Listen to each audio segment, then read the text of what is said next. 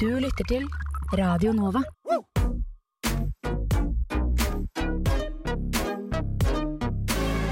Radio Nova. Studentradioen i Oslo. Radio i for det hovedspørsmålet det hadde vært siden eh, Noam Chomsky etablerte den greina av lingvistikken som, som jeg befinner meg i. Vi håper jo på bredest mulig oppslutning om SV, og jeg tror at det eneste som kan få norsk løsner båndene mellom staten og kirka, og forhåpentligvis fører til tettere bånd mellom kirka og folk. Så hadde de gjort som andre fjøringsbevegelser i verden, hadde de helt legitimt, kanskje, tatt i våpen. Og så direkte skildring av menneskeskjebner tror jeg ikke vi har sett eh, i noen annen nyhetsdekning av noen annen terroraksjon. Det er eh, såpass store forskjeller mellom den kalde krigen, hvor det var to stormakter som sto mot hverandre, eh, og den situasjonen her i dag. Du hører på samfunns- og aktualitetsmagasinet Opplysningen 99,3 på Radio Nova. Opplysningen 99,3 på Radio Nova. Forhåndssensur kan ikke benyttes. Slik står det i vår grunnlov, men hva betyr egentlig det? Kan vi ikke nekte avisen å skrive om noe? Økt barnløshet har vi i Norge. Folkeinstituttet, Helseinstituttet vet ikke sikkert årsaken, men eh, kan vi finne mulige svar hos samfunnsvitenskapen? Og journalister er blant de mest uærlige menneskene på kloden, hevder Donald Trump. Amerikanerne har mistet mye av tilliten til de amerikanske mediene, men hva tenker nordmenn om norske medier? Feriestasjon har en innvirkning på den enkelte nordmanns selvfølelse og identitet. De sliter, og de har ikke råd til å betale eh, markedspriser for, for gassen. Akkurat nå hører du på Radio Novas samfunns- og aktualitetsmagasin, Opplysningen 99,3. Velkommen til Opplysningen denne fredagen 17. oktober. Du lytter til Radio Novas samfunns- og aktualitetsmagasin, og vi ønsker å gi deg de vinklingene og de sakene du kanskje ikke får andre steder. Eh, mitt navn er Kristine Brastad Dammen, og aller først så skal vi snakke om pressefriheten og forhåndssensur. Fordi på Island så har det i de siste årene vært flere politiske skandaler. Og nå for drøyt eh, tre uker siden, nærmere bestemt 28. 28. oktober, så ble det holdt enda et nyvalg etter en politisk krise som gjorde at eh, tidligere statsminister Bjarni Bendiktsons regjering gikk i oppløsning. Allikevel så er det ikke mye vi vet eller har fått greie på om det som har skjedd. Fordi rett før valget skulle bli holdt, så sa sysselmannen at det var ulovlig å skrive noe om statsminister Bendiktsons økonomi, eller informere andre om kilder i denne saken. Eh, Om en redaktør valgte å skrive eh, om hva statsministeren hadde gjort, eh, ja, så kunne han rett og slett bli fengsla. Men er dette egentlig et problem? Har ikke statsministre også rett på privatliv? Til en viss grad. Med oss i studio for å diskutere pressefriheten og dens grenser, så har vi deg, Kristine Foss, rådgiver og jurist i Norsk Presseforbund. Velkommen. Takk. Aller først, er det sysselmannen på Island gjorde et problem? Eh, ja, det vil jeg absolutt si. Det er et stort problem. Eh, det skaper et eh, sykt demokrati når man har en sånn inngripen eh, fra det offentlige. Eh, det som har skjedd der, fører jo til at eh, samfunnet ikke får vite det fulle bildet av en mulig svært alvorlig hendelse, da, hvor statsministeren er, beskyldt for å ha solgt eh, aksjer i en bank som han selv var styreeier da han også satt i finanskomiteen. Eh, og dette er jo et bak, et viktig bakteppe, og spesielt viktig når det nå eh, var valg. Og eh, altså, da vet jo ikke samfunnet noen ting om eller denne viktige delen av historien om han, da. Hvis noe tilsvarende hadde skjedd eh, under et valg i Norge, eh, og noen hadde tvunget pressen til ikke å skrive om enkelte politikere, hva kunne skjedd da? Altså, Det kan ikke skje i Norge, for utgangspunktet er at vi har jo Grunnloven som, eh, som, si, som gir et forbud mot forhåndssensur. Eh, systemet i Norge er at man skal ta eventuelle ærekrenkende ytringer eller ytringer som er i strid med privatlivet. Sånne ting man, skal man ta i etterkant. Eh, skal, den klare hovedregelen er at man skal ikke ta det før. Og så har vi noen unntak. Hvilke unntak da? Ja, Det er noe, det som man i jussen kaller midlertidig forføyning, da, eller det at man stanser, eh, stanser en ytring altså, eller en omtale før den kommer, sånn som har skjedd på Island. Men det er veldig strenge krav for å, for å bruke det. Da, da, må man gå til retten og så må man eh, kreve det. altså Si at jeg vil ikke at eh, NRK skal sende den, det Brennpunkt-programmet. Og så må retten ta stilling til om vilkårene for det er til stede. Og det er det som regel ikke. det eneste tilfellet vi har av det som eh, fra den senere tiden, er ti år siden. Da, da, var det Brennpunkt som hadde en eh, som hadde en sending om Nokas eh, og eh, politiets etterforskningsmetoder der. Da. Eh, og da forsøkte en kilde, fra, altså en som hadde vært politiets kilde, og også snakket med journalistene, han prøvde å få stoppet eh, denne sendingen fordi det, han mente at det var en fare for hans liv, eller hans liv da, mm. Eh, hvis dette her kom ut. og da fikk han faktisk medhold i første instans i det som heter byfogden.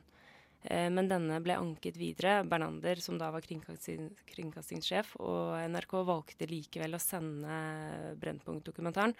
Og da ble jo de straffeforfulgt etterpå, i og med at ikke de fulgte pålegget om å stanse det. Uh, og uh, dette ble da gikk videre til uh, høyere rettsinstanser og ble stoppet da, både i Høyesterett og i lagmannsretten. nettopp med det at dette var et ulovlig inngrep da i det, ytringsfriheten og altså i forhåndssensur. Mm.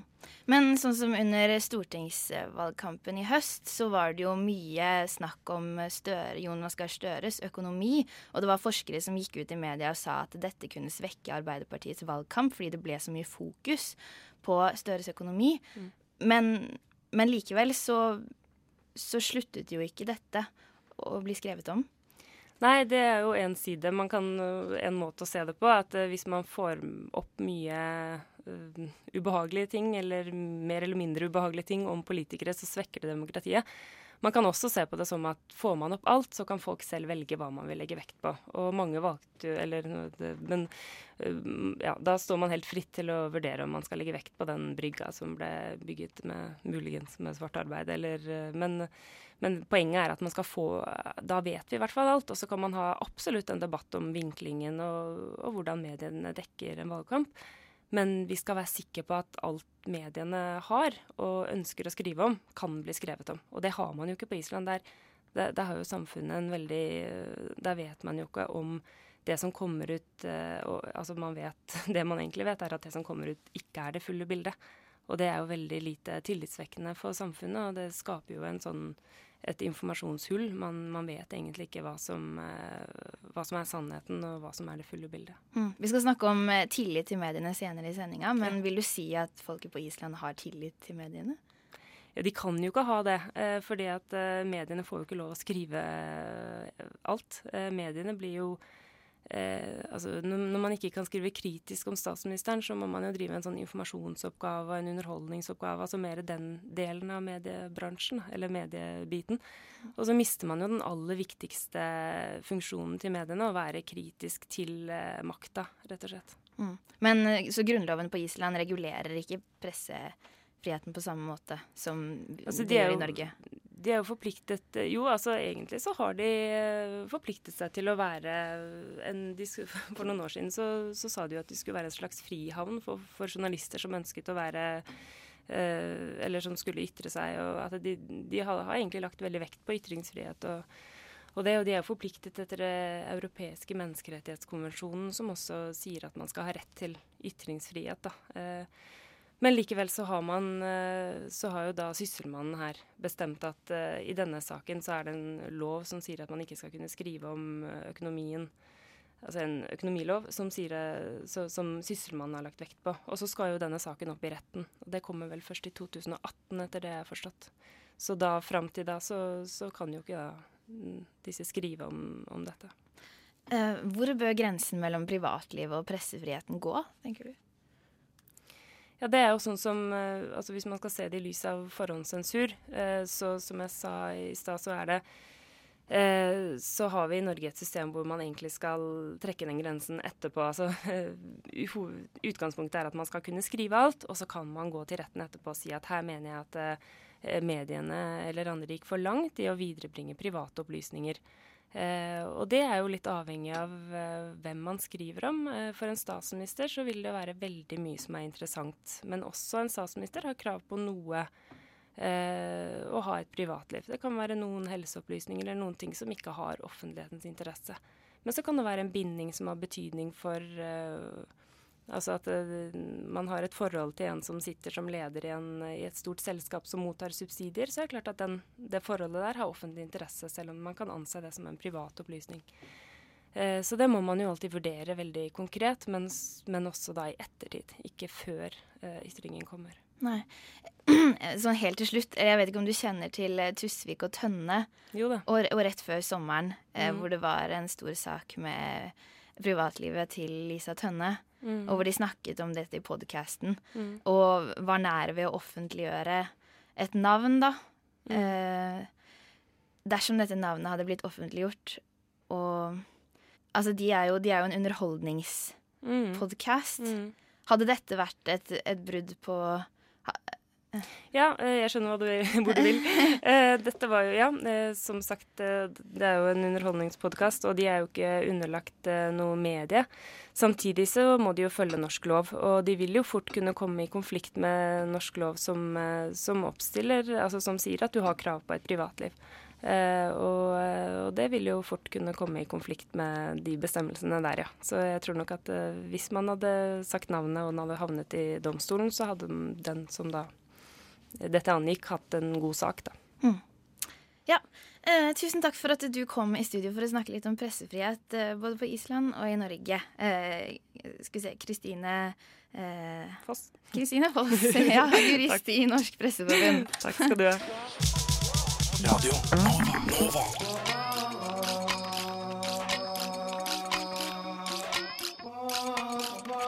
Siden 1982 har Radio Nova gitt deg favorittmusikken din før du visste at du likte den. Å få et barn med en funksjonsnedsettelse kan være en påkjenning for mange foreldre. Dette barnet vil ha andre behov for hjelp enn et funksjonsfriskt barn, og det vil kreve større tilpasninger i hverdagen. Når disse tilpasningene er gjort, vil dette barnet imidlertid kunne fungere godt i samfunnet.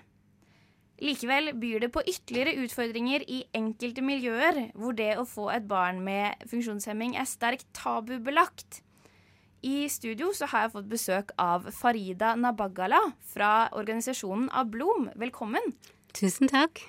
Aller først, hva, hva slags organisasjon er Ablom, og hvordan ble du involvert her? Ja, jeg kan kanskje begynne med å si hvordan jeg ble involvert. Jeg selv ble en mor til et barn som ikke var frisk i 2005, og for første gang forandret vårt liv 180 grader. Jeg kjente ikke igjen det norske systemet, hvordan det fungerte overfor de som var funksjonshemmede. Min familie måtte tilpasse seg til situasjonen som var helt ukjent for oss. Og det var så mye som ikke fungerte som det skulle, og livet var vanskelig. For første gang jeg skjønte hvor viktig og det var, og jeg fikk faktisk stor respekt for disse foreldrene som har barn med nedsettelse. Fordi jeg visste ikke at de hadde det så vanskelig. Nei. Og du faller dypt i sorg uten at du selv vil det, men det kommer automatisk. Alle går gravid ni måneder og håper å få et friskt barn, og så skjer det. Og etter å ha kjempet gjennom uh, det ukjente hjelpeapparatet, som var fryktelig vanskelig å navigere for en dame med min bakgrunn, selv om jeg trodde jeg var kyststerke, men det viste seg at jeg ikke var det. Jeg, plutselig var jeg ikke god nok mor. Hva skulle jeg gjøre? Hvor er alle andre? Jeg gikk rundt i ensomhet og deprimert i mange år uten at noen kom bort til meg og sa Farida, vi forstår hvordan du har det, fordi vi har nettopp vært der. Det var ikke fordi jeg ikke så eh, foreldre ut på gata, men det, sånne ting kan ikke du gå og stoppe folk på gata og spørre hei, folkens, hvordan går det? Nei, jeg skjønner. Men da, da, da fant du ut at du måtte engasjere deg på en litt annen måte? Da fant jeg ut at det var ingen møteplass som hadde kommet min vei. Brukerorganisasjonen hadde ikke nådd til meg. Jeg måtte finne på å lage en møteplass. Og denne møteplassen skulle skille seg ut fra alle andre møteplasser noen ganger som hadde funnet plass. Det skulle være en filmfestival som skulle omfavne alle, uansett hvilken type bakgrunn, og vi kom under et tak nettopp for å sørge for at alle skulle bli hørt, veksle erfaringer og eventuelt legge ut våre utfordringer der ute i samfunnet. Mm. Men eh, som vi hører, så er ikke du eh, Du er ikke født i Norge? Nei, det er jeg ikke. Nei. Og jeg kom til Norge i 92. Så jeg var en eh, mamma som uh, kommer fra et land hvor faktisk det er tabubelagt å ha funksjonshemmede, og de blir sett på som en byrde i Ja. samfunnet. Men Hva er det disse tabuene dreier seg om? Du, det dreier seg om skam, skyld, at kanskje du har gjort noe eh, straff fra Gud, om du har gjort noe tidlig i livet ditt, så at du var ganske slem, og nå blir du tatt igjen. At, at Gud har bestemt å straffe deg. Og gi deg et sånt barn. Det andre handler om rett og slett at andre velger å leve i fornektelse og sier at det går bra med ungen min. Det var en jeg kjente som hadde Downs syndrom som ble frisk, så det kommer til å gå bra med barnet mitt. Han ble frisk og gifta seg og fikk barn. Sånn kommer det også til å gå med unge, mine ungene mine. Og noen faktisk trodde at etnisk norske ikke hadde barn med nedsatt funksjonsevne. Men her var det foreldre som aldri hadde kontakt med etnisk norske. En av de årsakene til jeg fant ut at det var viktig å ha en møteplass hvor vi inviterte alle sammen i samfunnet. Det var et tegn på alle integreringsmidler som hadde blitt innvilget i alle år, hadde dessverre ikke nådd mange vi har greid å nå gjennom tiden. Nei. Men, eh, men det som skjer med disse familiene, da. Hvilke konsekvenser får det at voksne med, med innvandrerbakgrunn får barn med funksjonsnedsettelse? Jo, det først og fremst det rammer eh, den som har funksjonshemming hjem, i familien.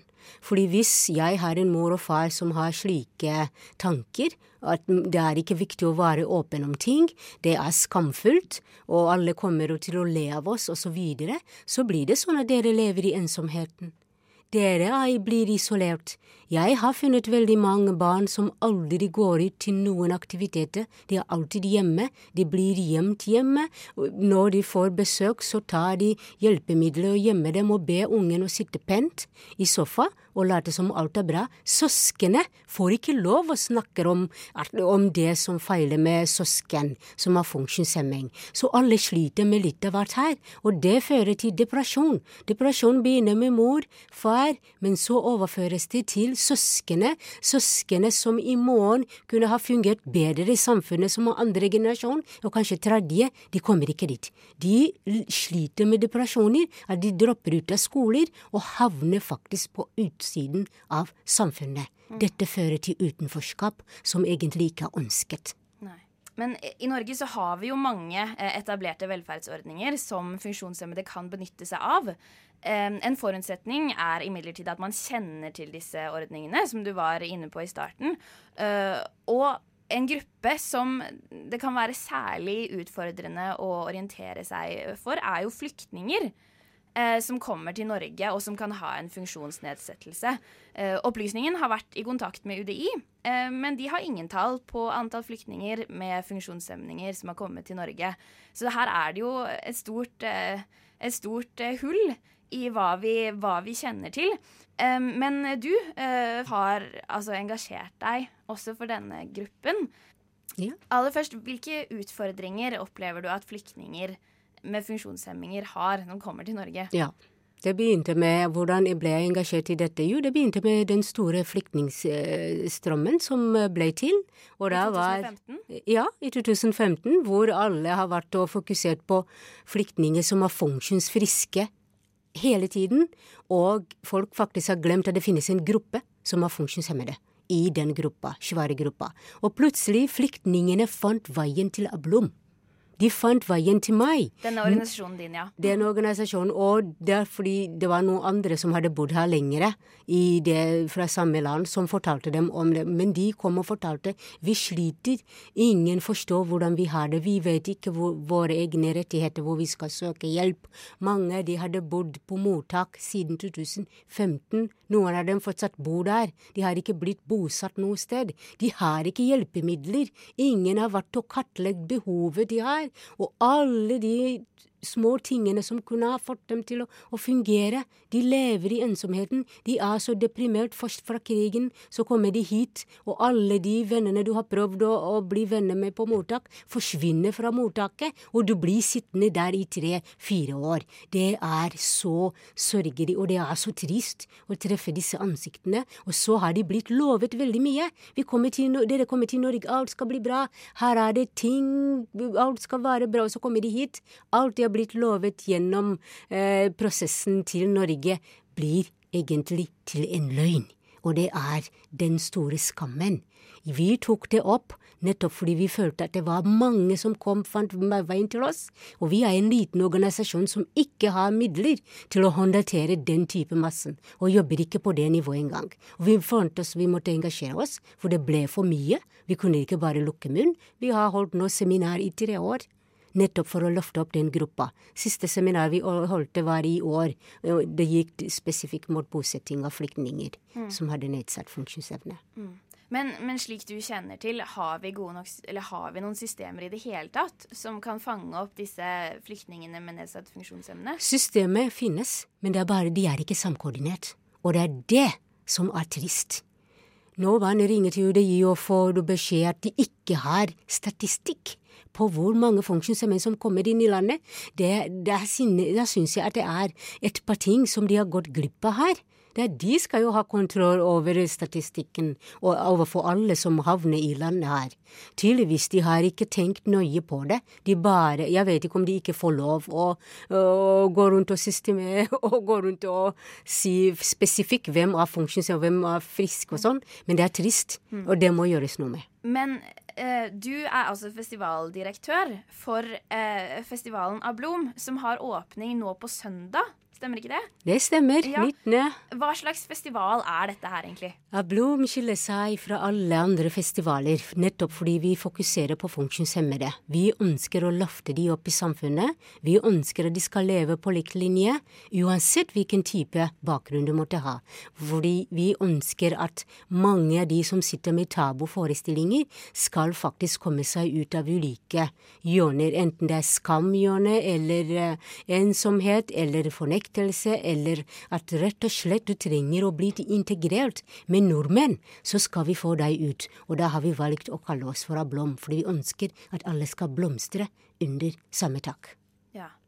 Årets festival det har temaet forbilder. Hvordan er det dere ønsker å sette fokus på forbilder gjennom festivalen? Ja, forbilder er et veldig stort tema som er veldig viktig samtidig, fordi vi alle mennesker ønsker å være et forbilde før eller senere i livet. Så vi har tenkt å bevisstgjøre samfunnet og publikummere som, kommer, som finner vår, sin vei til oss, hvor vi skal eh, gå spesifikt og løfter opp funksjonshemmede som er forbilder, som har trosset alle utfordringer til å faktisk gjøre noe med livet sitt, og samtidig minne deg, deg som er funksjonsfrisk, til at hallo, det går bra å gjøre noe med deg selv. Du må ikke aldri sette begrensninger på deg selv. Jeg ser på mange unge som mangler forbilder her i livet, nettopp fordi de har ikke aldri hatt dem, eller har ikke hatt gode forbilder. Hva kan vi gjøre for unge, sånn at de kan også begynne å se etter gode forbilder? Hva er det vi skal se etter når vi er ute på skikk etter gode forbilder? Mange av disse spørsmålene skal vi ta opp og bevisstgjøre publikummere. Mm. Og her på denne festivalen så møtes både de med en funksjonsnedsettelse og de som anses som funksjonsfriske. Riktig. Det er en filmfestival som omfavner alle. Først vi tar de som er funksjonshemmede og dems pårørende, dvs. Si hele familien, men også tar vi og inviterer hele publikum. Mm. Da ønsker vi lykke til med uh, arrangeringen av denne filmfestivalen. Tusen takk for at du kom i studio, Farida Nabagala, direktør for festivalen Ablom. Tusen takk. Det er jo klart for de fleste at noe, noe er galt med verdensøkonomien. Alvorlig galt first thing I, I went into prison, a young man, and I got out of it a very old man. Du hører på Opplysningen 99,3 på Radio Nova. Folkehelseinstituttet melder at det er en dramatisk økning i andelen barnløse på en generasjon. Hva som skyldes den svekkede fruktbarheten biologisk, er fortsatt usikkert, ifølge Folkehelseinstituttet. Eh, Men eh, hvilke forklaringsmodeller kan samfunnsvitenskapen gi i denne sammenhengen? Har samfunnsendringer eh, noen mulige konsekvenser eller innvirkninger på denne trenden? Og hvordan kan disse mulige samfunnsmekanismene forstås på den økte barnløsheten vi ser i Norge? Vi har fått med oss Eirin Pedersen, forsker på velferd ved Høgskolen i Oslo og Akershus. Velkommen. Takk skal du ha. Altså, For å ta det største spørsmålet først. Hva kan mulige årsaker være til eh, den svekkede fruktbarheten? Um, ja, altså Svekkede fruktbarheten, det er mange årsaker til det. For det første så er det jo veldig mange individer da, som tar avgjørelsen om å få barn. Så jeg holdt på å si, for hvert barn som ikke blir født, så er det nok en, det nok en grunn.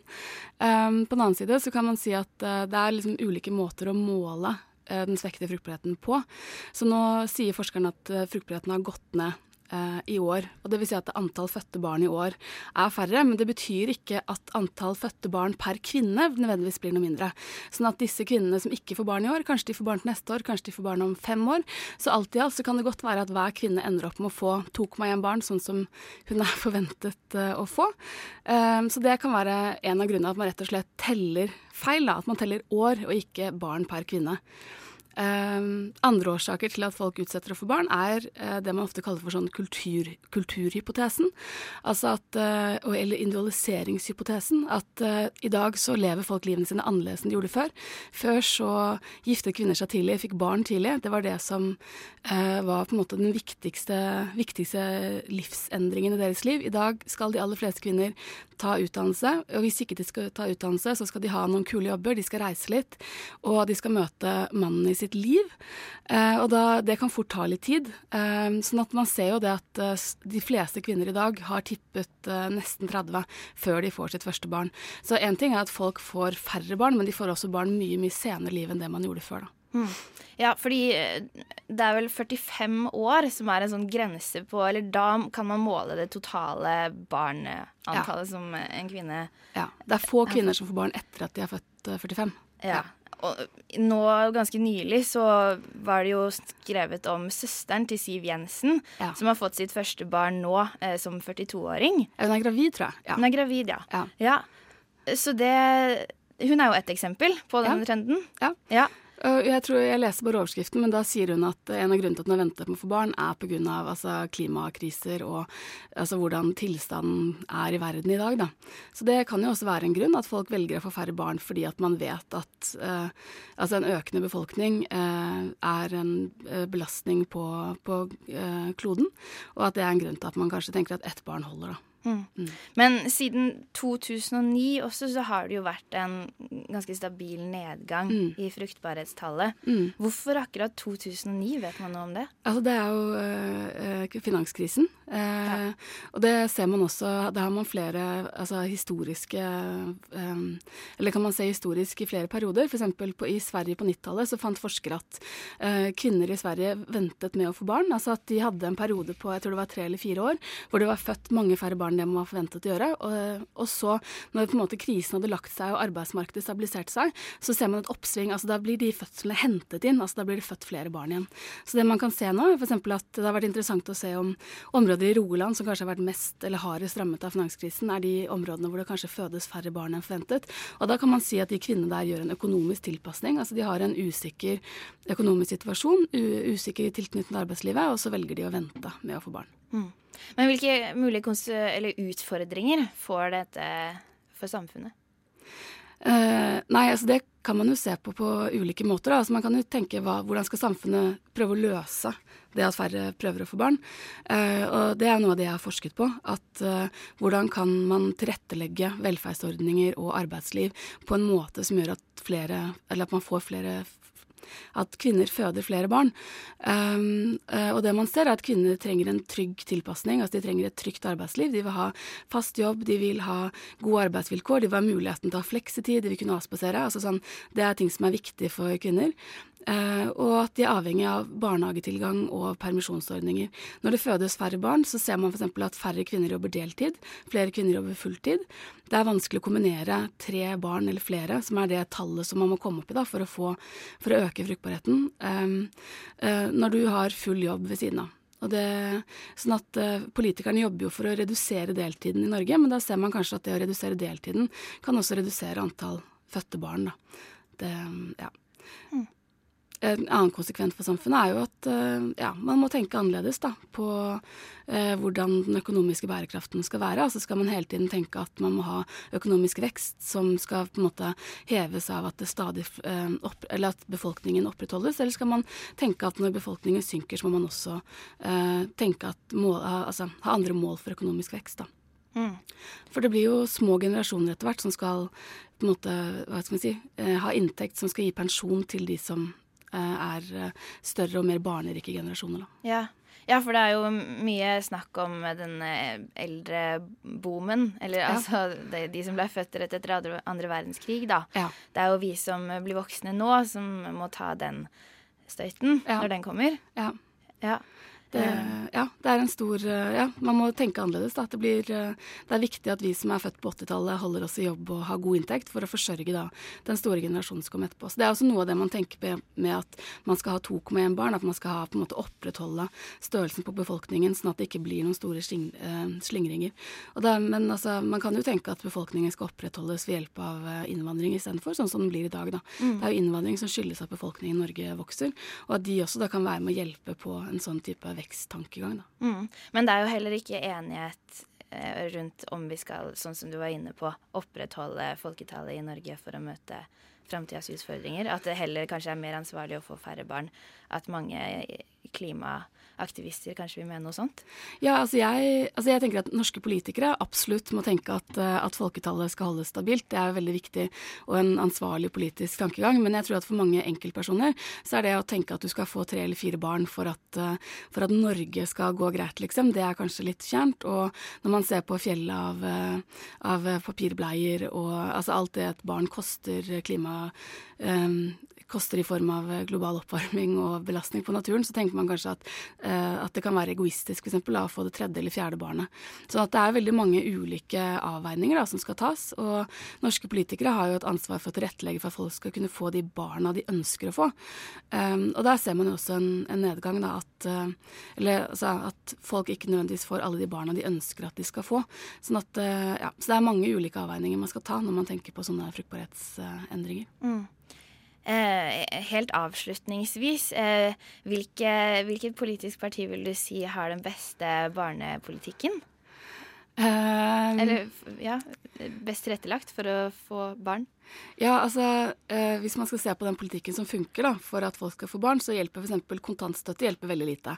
Det ser man fra andre land. altså Det å gi, penger, gi folk liksom cash for å få barn, det hjelper ikke. Det som hjelper, er jo å gi gode, gode ytelser, altså gode tjenester. Vil si god barnehagedekning, gode permisjonsordninger, eh, trygghet og forutsigbarhet og barnetilsyn. da, Og de som sørger for det, det er vel Sosialistisk Venstreparti i stor grad. De har profilert seg mye på, på småbarnsfamilienes uh, uh, uh, ja, småbarnsfamilienes interesser. Samtidig så så man at barnefamilienes interesse var jo det som hadde minst avgjørelse for hva folk stemte på ved forrige valg, eh, mens innvandring var det som var mest viktig. Så her kan man jo på en måte se på hva er det folk tenker, hvem er det som stemmer for hvem, da. Og det barnefamiliene står kanskje litt langt ned på listen. Hmm. Men da vet vi i hvert fall det, at dersom man skulle ønske å få mange barn, så stemmer man Sosialistisk Venstreparti. Eh, tusen takk for at du kom i studio for å snakke om fruktbarhetsrater. Eirin Pedersen, forsker ved Høgskolen i Oslo og Akershus. Takk for meg. Du lytter til Radio Nova. Journalister er blant de mest uærlige mennesker på kloden, har Donald Trump i en eh, pressekonferanse uttalt. Det at amerikanere den siste tiden har mistet mye tillit til media, det er ingen nyhet. Men hvordan står det til med tilliten til norske medier? Nyhetsbyrået Reuters la i 2016 fram en undersøkelse der det kom frem at 46% av nordmenn stoler stort sett på nyheter, men kun 32% av nordmenn stoler på de som formidler nyhetene, nemlig journalister. Nettavisen Resett ble startet denne høsten, og i deres programerklæring så kan vi lese at Resett er eh, etablert for å gjenreise realismen i norsk debatt og nyhetsdekning, og at de skal presentere norsk publikum for en annerledes pakke av meninger og nyheter. Og inn i studio så har jeg fått Helge Lurås, redaktør i nettavisen Resett. Velkommen. Tusen takk. Hvorfor startet du nettavisen Resett? Altså, Det er jo ut fra en lengre frustrasjon egentlig med norske medier og de store aktørene, og hvordan de vinkler ting, og hva de slipper til, og hvilket inntrykk eh, leserne og seerne sitter igjen med. Jeg mener at det er eh, kanskje vist seg at den si, ideologiske plattformen man har, eh, man har stått på i løpet av de siste tiårene, har har vist seg å skape resultater i, i, samfunnet som ikke var eh, forutsett og ikke var intendert, og at det i veldig stor grad har med si, den forståelsen som ikke bare mediene har hatt, men også egentlig hele samfunnsvitenskapen, at vi trenger et vi trenger å ta et steg tilbake og ta et blikk på, på hvordan eh, vi fortolker mennesket, vi fortolker samfunnet, og, og, det har også med nyhetsformidlingen å gjøre. Men du kan si det er jo egentlig ikke bare en mediekritikk fra vår side, det er også en, en kritikk av uh, egentlig hvordan opinionsdannelsen er, sosialiseringsprosessene våre, og spesielt samfunnsvitenskapen. Mm. Men hvilke resultater er det du sikter til, helt konkret?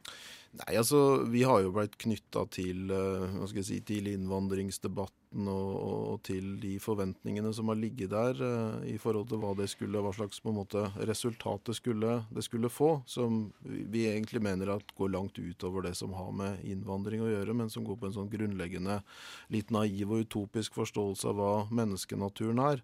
Som i den fasen vi er i nå. Menneskenaturen, hva mm. mener du? Nei, altså i, i, forhold til samfunnsvitenskapene så er det vel i, i, for liten grad en erkjennelse av at vi har på en måte man kan kalle instinkter eller medfødte egenskaper som også legger sterke føringer på på hvordan på måte, sluttresultatet blir, og hva slags uh, samfunnsforhold uh, man kan legge opp til. Men hva er det du mener? Ja, altså, nå har vi jo faktisk ganske gode eksempler i forhold til den metoo-debatten og, og, den Det er jo si, ikke innvandring. Nei, men det, er, det, går på det samme, hva skal jeg si, den samme manglende forståelsen for, for hva som faktisk rører seg i menneskenaturen, og hva du rent faktisk har har å måtte forholde deg til, som ikke blir rapportert fullt ut.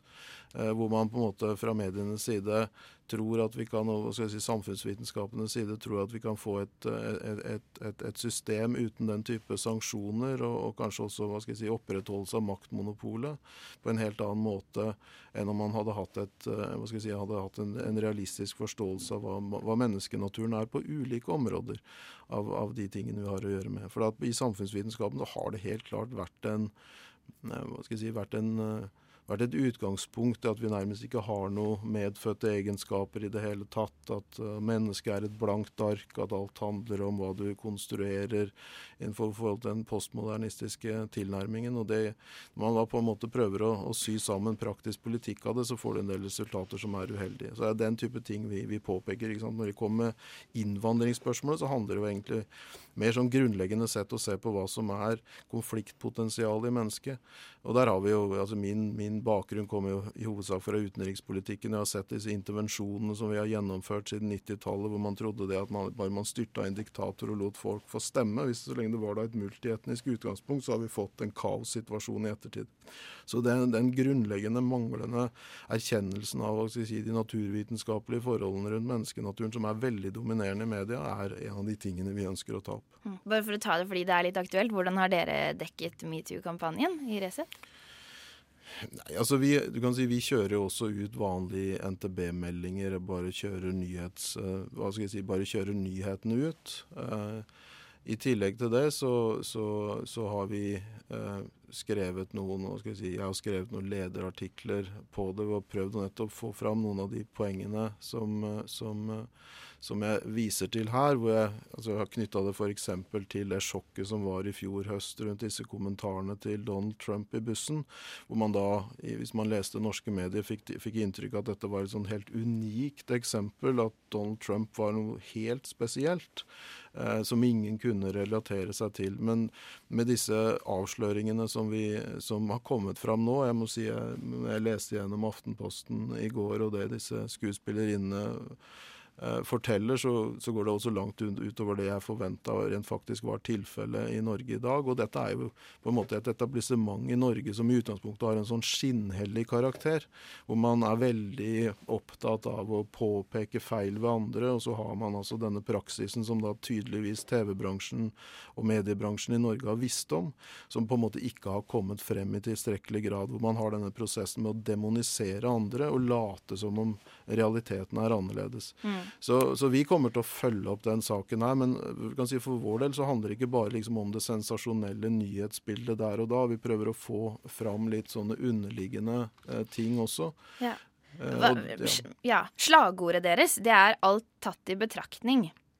Hva legger dere i dette? Ja, det er jo veldig ambisiøst i utgangspunktet. Men, men det, det handler jo der om hva skal jeg si, å breie ut eh, eh, si, perspektivet. Og, og noen av de tingene som, som jeg allerede har snakka om, er jo ting vi mener ikke blir tatt i betraktning til vanlig. At vi hva skal jeg si, er, erkjenner at, at den sivilisatoriske prosessen vi er i i Vesten, er en ganske sånn spesiell og veldig ambisiøs utvikling, hvor vi tar utgangspunkt i en sånn selvforbedring som ikke alltid, eh, si, som ikke alltid lar, seg, lar seg implementere. Når vi snakker om alt tatt i betraktning, så er jo også vårt ønske, og, og det har vi allerede begynt med, å prøve å liksom breie ut litt av litt av det informasjonstilfanget vi får eh, internasjonalt. Vi peker på en del av de truslene for eksempel, som nå går mot ytringsfriheten, som du har eh, i forhold som er egentlig en naturlig konsekvens når du får et naturlig, et mangfoldig samfunn, så får du også mange flere hensyn å ta, for det er mange flere som kan støtes.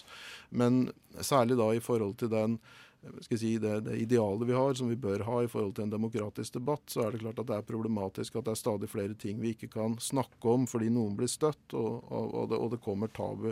Og Der er vi vel av, kanskje av den oppfatningen at en del av de tingene vi ser f.eks. i Nord-Amerika og USA, i forhold til disse, disse, prosessene som foregår på universitetene der, er ting som kan komme til Norge etter hvert, og som vi rapporterer en del på fordi vi mener det er viktig å være i forkant av det, fordi det er en ekstremt uheldig utvikling både for kunnskapsformasjon vi har på universitetene. Hva er det som har skjedd på universitetene? Nei, altså det har skjedd at man har man, Dere har sikkert hørt om disse trigger warnings, disse safe spaces. altså Når det kommer da kontroversielle taler osv., så, videre, så, så, så, så blir på en måte studentene da advart på forhånd. og de blir på en måte Så man merker forelesninger med at dette kan virke støtende? At det kan virke støtende. Og du har jo også fått disse direkte altså man, altså Hylekorene hvor man altså lager så mye bråk at disse, disse, stemmene får ikke tale i det hele tatt. Og jeg har jo hva skal jeg si, hørt en del av disse talerne det er snakk om, og det er jo slett ikke av en sånn natur at det ikke kan høres. Uh, det er Så provoserende er det tross alt ikke. sånn at Det er det vi frykter. at det, det, som, det, vi ender opp med her, er et så smalt spekter av det folk kan si og snakke om, at vi simpelthen ikke evner å ha en demokratisk styring av samfunnet. Hmm. Um, på siden deres så står det at dere følger Redaktørplakaten og Vær varsom-plakaten i likhet med resten av Presse-Norge. Uh, og i Vær varsom-plakatenes punkt uh, 1,2 så står det at uh, pressen ivaretar viktige oppgaver som informasjon, debatt og samfunnskritikk. Pressen har et spesielt ansvar for at ulike syn kommer til uttrykk. hvordan mener du at nettavisen din forholder seg til dette punktet? Egentlig holdt jeg på å si veldig ideelt. Vi, vi, for det første så har vi sluppet til en god del stemmer som vanligvis ikke lyttes til, eller som ikke får plass i de tradisjonelle mediene, altså mer vanlige type mennesker. Og vi har også invitert inn hva skal jeg si, motstemmer, og har allerede trykt motstemmer. Det er jo en del som ikke vil skrive hos oss fordi de mener det legitimerer noe de selv ikke står for, men da blir det på en måte en form for selvoppfyllende profeti at det blir et ekkokammer. Vi ønsker reelt sett Uh, andre stemmer på plass, også hos Resett. Selv om vi har på en måte kanskje blitt knytta litt til skal jeg si, høyresiden. Selv om etter vår egen oppfatning så er ikke den så relevant, en så relevant distinksjon. Men du er jo tidligere FR, eller fortsatt Frp-politiker? Jeg har aldri vært Frp-politiker. Jeg er, er, helt politisk uavhengig. og du kan si De første årene som jeg var i norsk offentlighet, så var det jo stort sett venstresiden som trykte meg til sin brykt. Jeg er forsker i utgangspunktet. Jeg har jobba for norsk forsvar, etterretningstjenesten. Jeg har aldri vært politisk aktiv. Nei, det var det er, men det er, en for, ja, liksom, det er en sånn forestilling folk har etter Resett, at dette er på en måte sånn typisk fordi Men vil du si at dere har politisk uavhengige journalister? Ja. Ja? Um, ja, altså det er Du kan si det, det, som, det, som, er vår oppfatning, min oppfatning her, er at denne nøytraliteten er umulig å ha. Eh, Vi har jo eh, altså, politiske sympatier som ikke går på partier, eh, men som går på hva skal jeg si, samfunnsforhold. Vi, har jo engasjerte journalister. altså Jeg ville ikke hatt ikke-engasjerte journalister som skulle skrive om politikk.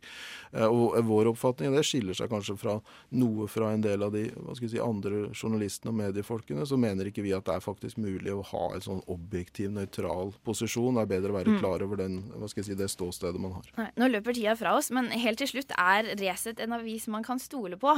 Ja, absolutt. Ja. Mm. Eh, har dere opplevd økende lesertall siden dere begynte i høst? Altså vi, eh, nå, vi er, nå har det stabilisert seg, og vi er på vei oppover. Vi hadde jo veldig mye oppmerksomhet de første ukene, både fordi det var valg og fordi vi blei presentert som milliardærenes nettavis. Vi har jo en del profilerte folk med oss på den måten. Så vi hadde jo så stor eh, egentlig, trafikk at serverne våre brøyt sammen med en gang, så vi har fått en veldig flying start. Eh, og nå er vi i en forbedringsprosess. Vi mener ikke at vi har et produkt, eller har hatt et produkt som, skal være, som, er så godt, eller som har vært så godt som det skal bli, og nå ser vi også at vi vokser igjen. Så det, vi må gjøre oss fortjent til de leserne og seerne vi har, og det skal vi jobbe videre med framover. Okay, takk for at du kom i, i studio, redaktør i Resett, Helge Lurås. Nova. Radio Nova.